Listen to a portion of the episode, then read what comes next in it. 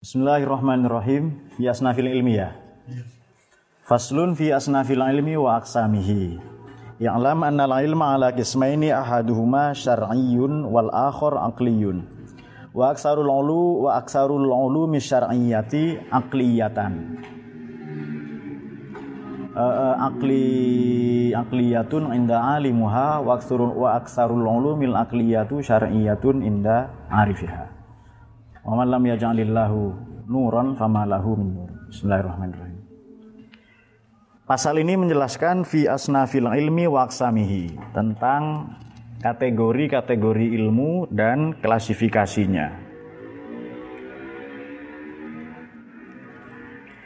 Ketahuilah sesungguhnya ilmu itu dibagi atau dikategorikan eh, diklasifikasi menjadi dua dua kelompok, dua bagian yang pertama adalah ilmu syar'i, yang kedua ilmu akli.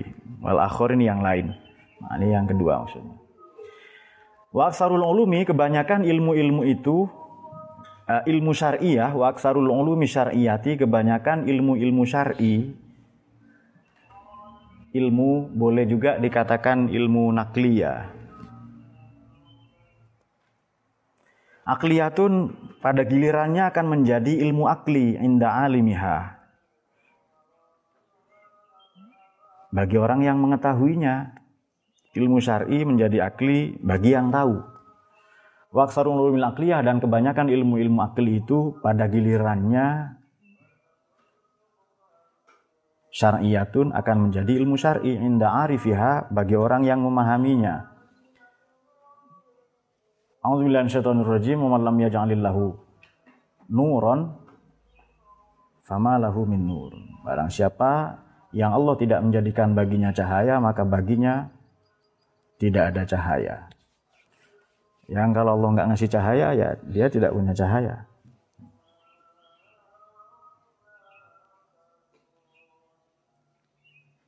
Istimewa sekali pembahasan cahaya ya. Ini kelihatannya pagi ini tidak terlalu banyak kita ini. Bismillahirrahmanirrahim. Amal kismul awal. Bahagian pertama atau klasifikasi pertama wal ilmu syar'i fayan qasimu ila nawain. Ilmu syar'i itu dibagi menjadi dua bagian atau dua kelompok.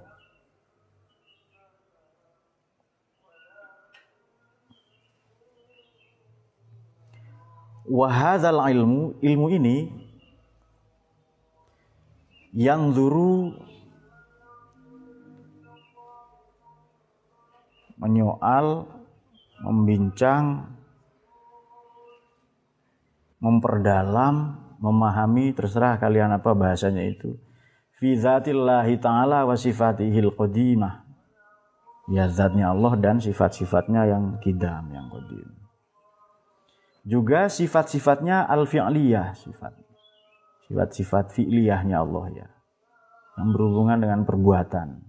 Allah wa sifatihi dzatiyah dan sifat-sifat zatiyah belinya al muta'addadati yang banyak bil asamiyi. Dengan dengan berbagai sebutan, berbagai istilah atau nomenklatur alal wajhil mazkur terhadap uh, poin yang uh, terhadap zat yang telah disebutkan. Atau terhadap nama yang telah disebutkan beberapa nama. Pada saat yang sama ilmu tauhid itu juga membahas yang zuru aidon. Apa yang dibahas? Adalah para nabi ahwalnya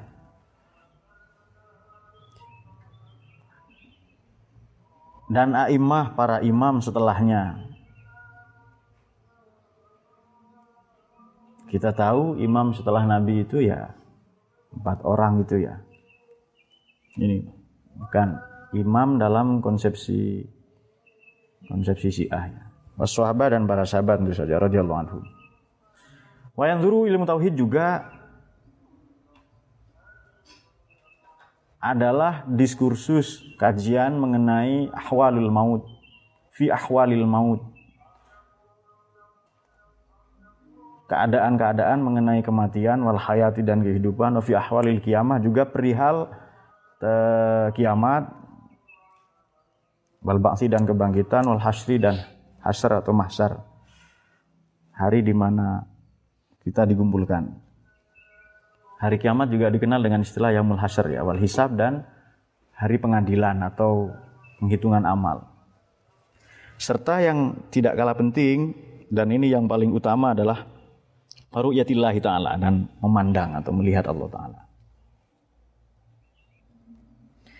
Wa ahli nazari dan para teoritisi atau para pakar lah boleh diartikan Fi hadzal ilmi dalam ilmu ini ya sakuna concern atau berpegang teguh awalan mula-mula bi ayatillahi taala dengan ayat-ayatnya Allah taala.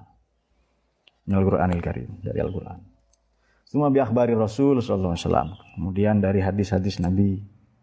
Semua bidala ilil akliyah. Kemudian juga dari dalil-dalil akli. Al barahinil qiyasiyah dan argumentasi atau bukti-bukti kiasi silogisme ya. Wa khadhu muqaddimatil qiyas. Mereka juga mengadaptasi premis-premis bimuqaddimatil qiyasil jadali wal ainadi kias argumentatif dan uh, konfrontatif. Inat ini bertentangan.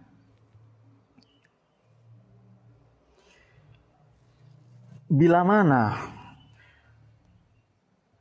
Walau ahaqqahuma bila mana menggabungkan keduanya Nasabil mantik al falsafi dari para logika eh, apa ahli logika falsafi lantas wawadau aksarul alfad kerap kali mereka wawadau aksarul alfad kerap kali mereka menempatkan teks-teks redaksi-redaksi yang tidak sesuai. Ya di luar tempat.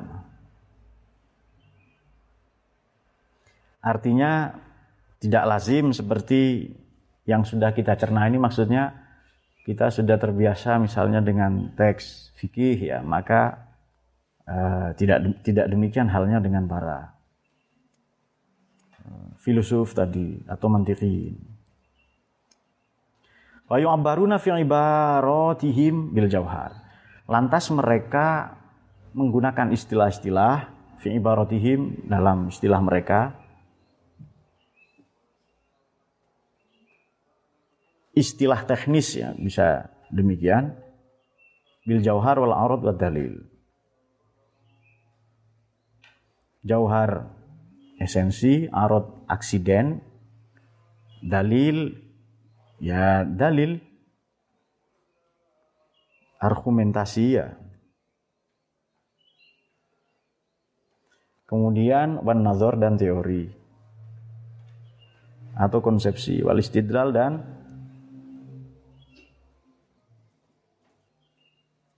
pencarian dalil.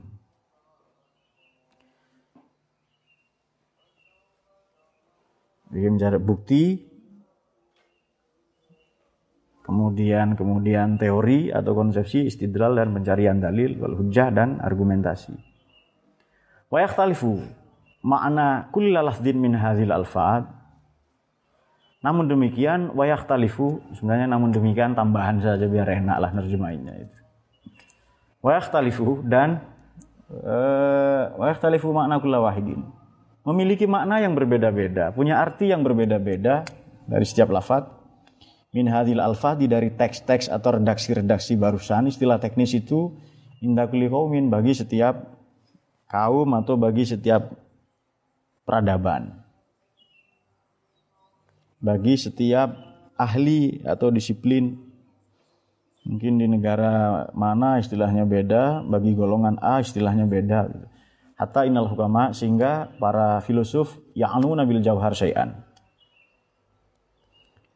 memaknai jauhar itu syai'an dengan makna tertentu mendekatinya ya. Wasufia para mutasawwifin ya'nuna syai'an akhor. Para sufi juga memaknai dengan uh, sesuatu yang lain. Para teolog juga demikian, memaknai dengan sesuatu yang lain atau dengan istilah lain. Wala hadzal misal Wal mutakallimun syai'an dan mutakallimun juga para teolog memaknainya dengan sesuatu yang lain pula.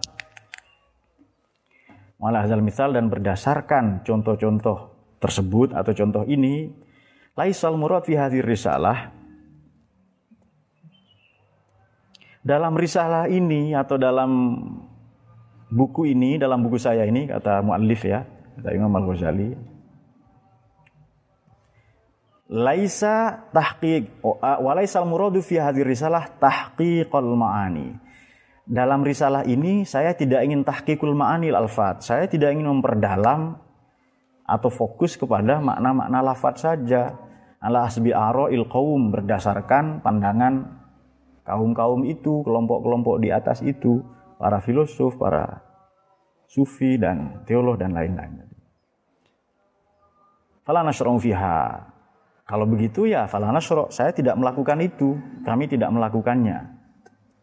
Apa yang tidak dilakukan ya hanya memperdalam makna-makna teks-teks tadi itu. Haulail qaum, mereka semua maksusuna secara spesifik bil kalami dalam kajian kalam ini fil usul ilmi tauhid. Dalam usul dan ilmu tauhid. Walaqabahum uh, mereka digelari al mutakallimun dengan nama mutakallim. Orang yang bicara, maknanya para teolog Faina ismal kalam karena nama kalam ini atau ilmu kalam istahara. Astahiru. Astahiru maaf, bukan istaharo. Astahiru, astaharu. Ialah lebih populer ala ilmu tauhid daripada ilmu tauhid. Wallahu a'lam. Eh, sampai di situ kita ulasan sedikit ya.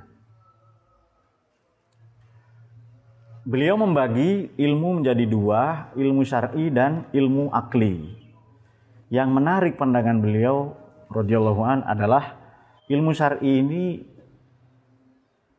bagi orang yang tahu menjadi akli. Artinya ilmu syar'i saja kita bisa mencari dalilnya, bukti-bukti rasionalnya, bisa mendekatinya bahkan dengan cara yang sangat rasional, sangat mudah diterima oleh akal dan pada gilirannya nanti para pembelajar bahkan orang awam bisa mengetahuinya, meyakininya.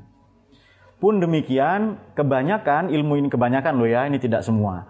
Kebanyakan ilmu-ilmu akli bisa menjadi syar'i bagi yang sudah arif. Apa buktinya? Misalnya begini. Kita mengatakan eh, mendirikan misalnya ya pesantren ini kan di bawah yayasan. Tidak ada dalilnya mendirikan yayasan ini. Seolah-olah ini akli, padahal syar'i juga. Pancasila secara apa definitif lah ya. Misalnya ketuhanan yang Maha Esa, kemanusiaan di beradab itu. Ia ekstra kanonik, kanon dalam ini Quran. Padahal kalau dicari ada dalilnya di Quran atau perbuatan-perbuatan amalia-amalia yang seolah-olah amalia dunia menjadi bernilai akhirat manakala kita arif. Pun amal-amal yang sebaliknya ya, amal akhirat mengalami degradasi kalau eh, kita tidak tahu. Ya, Lantas beliau menyitir satu ayat, orang-orang yang tidak dianugerahi cahaya ya oleh Allah itu, ya dia tidak punya cahaya. Di Quran ini paling apa? Paling banyak lah ya cahaya ini. Nabi saja disebut cahaya, kitab cahaya, petunjuk cahaya, ilmu cahaya. Bahkan Allah sendiri cahaya. Allahu nurus sama wajah Allah itu pemberi cahaya. Kemudian ilmu yang pertama adalah dari uh, ilmu syar'i dibagi menjadi dua ya nanti ilmu tafsir. Yang pertama adalah ilmu tauhid.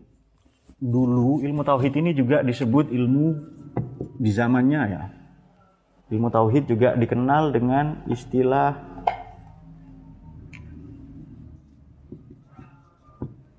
fiqhul akbar. Pemahaman yang paling atau ilmu paling agung. Nama lain dari ilmu tauhid.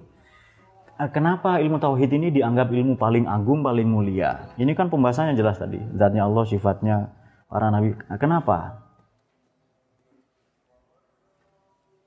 Ada ujar-ujar lama pada orang-orang Arab klasik. Tentu orang Arab yang berilmu ya, bukan bukan badui mana Zen. Nah, itu bukan itu.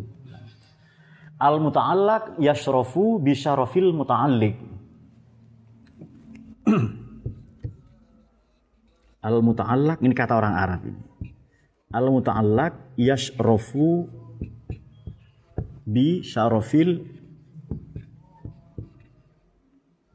muta'alliq muta'allaq saya ingin bisa Rofi ada faknya kecil di sini saya ingin mana Ustadz Yani nah saya ingin Ustadz Yani yang mengartikan al muta'allaq yashrafu bi syarafil muta'alliq nah, gimana menerjemahkan yang enak ini yang yang puitis lah yang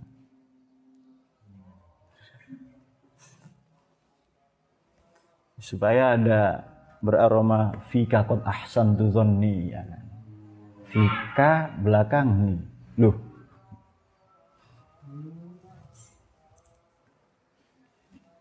Ada ada faknya ya.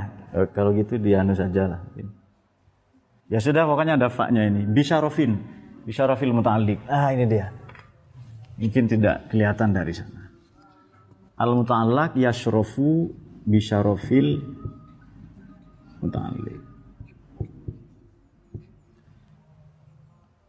uh, orang macam Margono ini bukan siapa-siapa. Tapi karena dia belajar di pesantren, lalu dia disebut dengan sebutan yang syaraf, yang mulia. Oh enggak amin Margono ya? Ya. Disebut dengan santri. Tadinya enggak disebut itu. Disebut semalam itu. Disebut apa? LGBT lah itu. Jadi misalnya naik bis, laki-laki kanan, perempuan kiri, bencong tengah gitu ya. Diam saja Margono di tengah itu. Wih, laki-laki atau perempuan, diam saja di tengah. Tadinya bis itu ada dua klasifikasi ya. Laki-laki kanan, perempuan kiri itu. Dua. Tiba-tiba ada dia sendiri di tengah. Maka dia digolongkan itu. Jadi al muta'allaku bisyarafil muta'alliki kadar status kemuliaan sesuatu ia bergantung atau e, disandarkan tergantung kepada apa yang disifatinya atau al muta'allaku yashrafu bi syarafil muta'alliqi. Kemuliaan status posisi kedudukan apa pun bergantung pada kedudukan kemuliaan keutamaan apa yang disifatinya atau apa yang ada padanya wudhu itu tadinya bukan apa-apa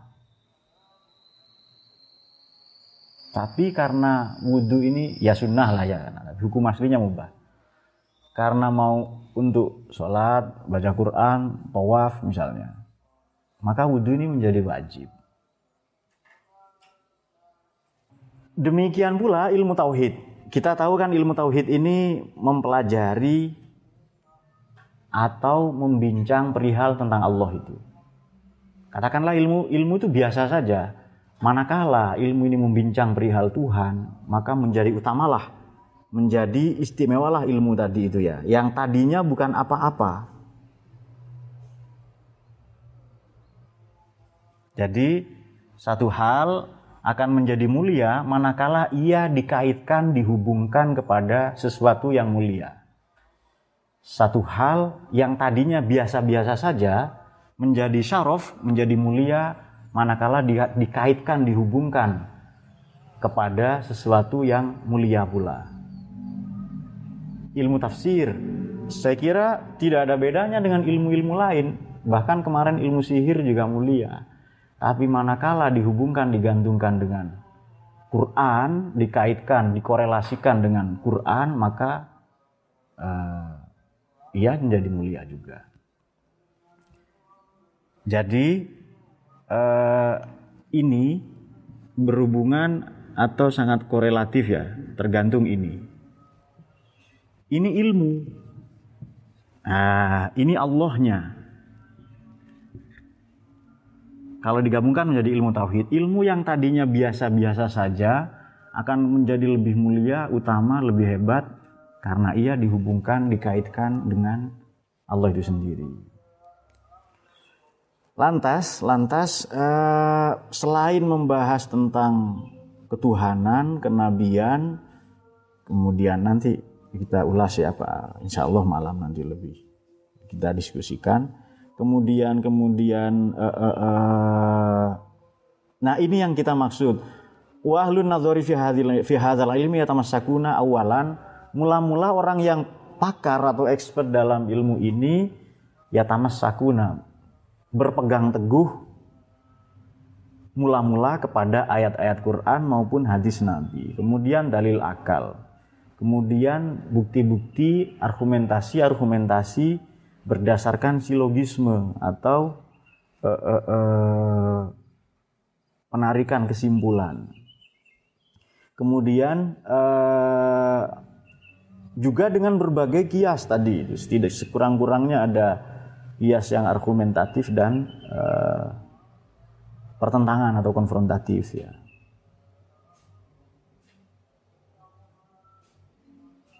Meskipun meskipun kadang menggunakan istilah teknis. Bahkan begini, kita fikih itu pakai istilah mantik. Fikih itu pakai istilah filsafat. Banyak sekali. Kita bisa mengemukakan beberapa misalnya di fikih apa ya? Istidlal. Ini bukan istilah fikih. Kemudian kemudian uh, istintaj Kemudian dalam fikih kita juga mengenal fauzi mana? Oh, tidak ada istinja berarti. Nah, arot ini dipakai di fikih. Kemudian kemudian uh, arot am ya, itu dipakai juga di fikih. Kemudian istidlal yang tadinya istilah dalam kalam istilah dalam logika atau lebih spesifik misalnya filsafat kemudian dipakai dalam fikih. Bahkan di fikih juga dipakai istilah akal. Ini hukum akal, ini hukum syarak. Itu juga beberapa. Nah, kita tidak ingin apa ya membeda-bedakan itu, namun demikian ilmu ini sebenarnya jalin jemalin satu sama lain artinya artinya ya tidak ada tidak ada satu ilmu pun yang ia independen atau tidak memiliki korelasi dengan ilmu-ilmu yang lain. Ada anggapan seperti ini dari beberapa teman, saya pernah berkunjung juga. Seolah-olah ilmu fikih ini hanya dianggap ini figul akbar nama lain tauhid ya pada mulanya. Seolah-olah ini istilahnya Imam Abu Hanifah. Seolah-olah ilmu fikih ini hanya tentang toharoh, tentang sholat, syariat lah pokoknya itu, ibadah. Dan tentang itu saja. E, tidak ada hubungannya dengan yang lain-lain. Padahal, padahal tidak satupun dari ahli fikih ini yang e, murni ahli fikih. Mereka adalah para teolog mereka adalah eh, bahkan pakar dalam disiplin ilmu yang lain. Kita ambil contoh saja eh, ini yang paling senang dengan pembahasan ini adalah adalah muid. Nah, misalnya saya cari dulu mana yang ngantuk sedikit lagi muid ya sedikit lagi. Misalnya misalnya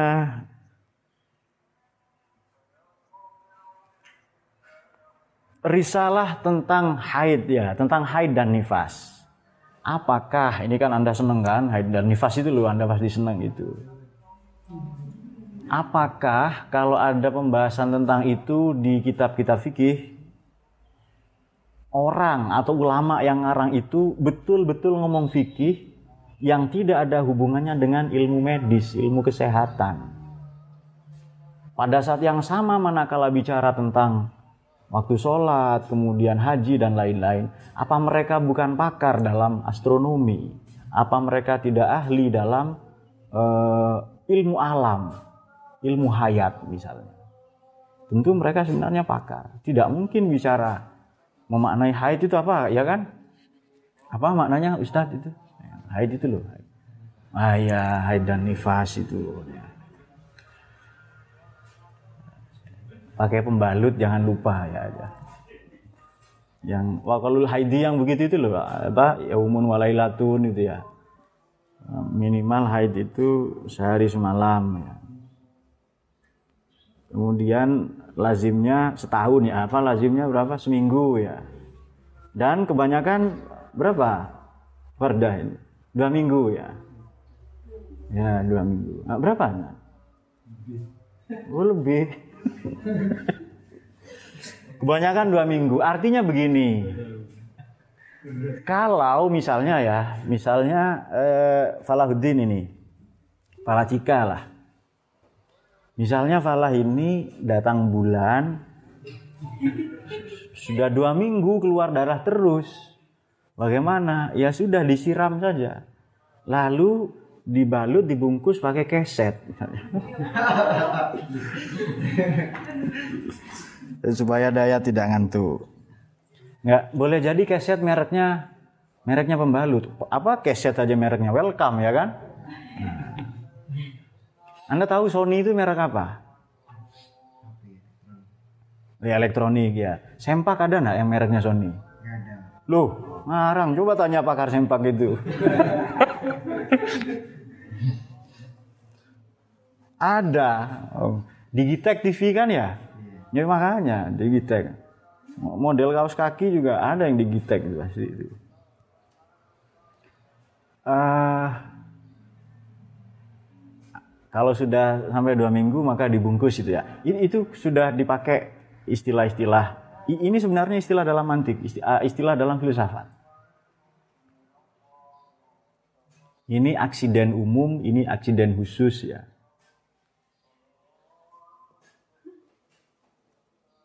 Ada common accident, ada proper accident ya. Kemudian, kemudian dan beberapa lagi dan banyak lagi itu. Nah, oleh karena itu, begitu pula yang yang mengarang atau ulama di bidang tauhid, di bidang tafsir, di, uh, di bidang balaghah misalnya bahasa, linguis, mereka para sarjana yang prolifik yang menulis dalam banyak disiplin ilmu. Bahkan kitab kitab fan ya, satu disiplin ilmu yang misalnya ilmu tajwid. Seolah-olah ia hanya membahas tentang nun mati ketemu tanwin ya kan? Ah, nun mati ketemu tanwin. Nun mati atau tanwin uh, kalau ketemu huruf ba dibaca apa ya nih? Iklam. Nah, kata siapa? Dulu ya, Cika, Vika itu aku ketemu kamu masa nggak langsung ijab katanya nun mati tanwin saja ketemu bak dibaca iklab kok masa kita ketemu nggak ijab katanya sudah dengan orang lain dengan yani yang lain nah itu. Nah, eh, seolah-olah itu hanya ilmu tentang makhorijul huruf tata cara membaca Quran. Tidak. Ya memang itu yang utama. Ia juga coba saja baca apa itu? Hidayah itu Sibyan ya? Atfal, Tufatul Atfal atau apa itu? Nah itulah pokoknya itu kitab-kitab yang sudah lama sekali itu. Itu juga bernuansa sufistik, bernuansa tauhid ya, bahkan bernuansa fikih. Jadi tidak jarang eh, tidak jarang kita menganggap apa ya eh, ulama ini hanya pakar dalam satu hal. Misalnya Imam Syafi'i kita anggap mujtahid saja, padahal tidak. Baik, kemudian kemudian eh, di sini beberapa nama juga punya istilah berbeda-beda. Tetapi kata beliau, saya tidak ingin memperbanyak istilah itu. Saya tidak ingin memperdalam, memperdalam dengan istilah A, sayan, sayan, yang lain sayan pula, lalu sayan akhor dan seterusnya tadi. Misal murad fi risalah, saya tidak ingin memperdalam itu. Catatan saya berdasarkan pandangan beberapa uh, orang tadi ya, dan kami tidak melakukan itu. Uh, namun demikian, era beliau itu ilmu tauhid lebih populer dengan sebutan uh, tokohnya, orangnya disebut mutakallimun para teolog. Sekarang kalam. Tauhid ya kan? Coba kita belajar ilmu gramatika. Kalam itu apa? Ya, kalam itu lafat. Murokab, mufid, wadok katanya ya. ya. Suara harus terdiri dari huruf hijaiyah misalnya. Kalau tidak ada huruf hijaiyah itu tidak kalam katanya. Jadi misalnya apa Zen menghadap Margono tiba-tiba ces bukan kalam katanya. Allah alami baik itu saja ya. Nah, nanti malam kita akan lanjutkan.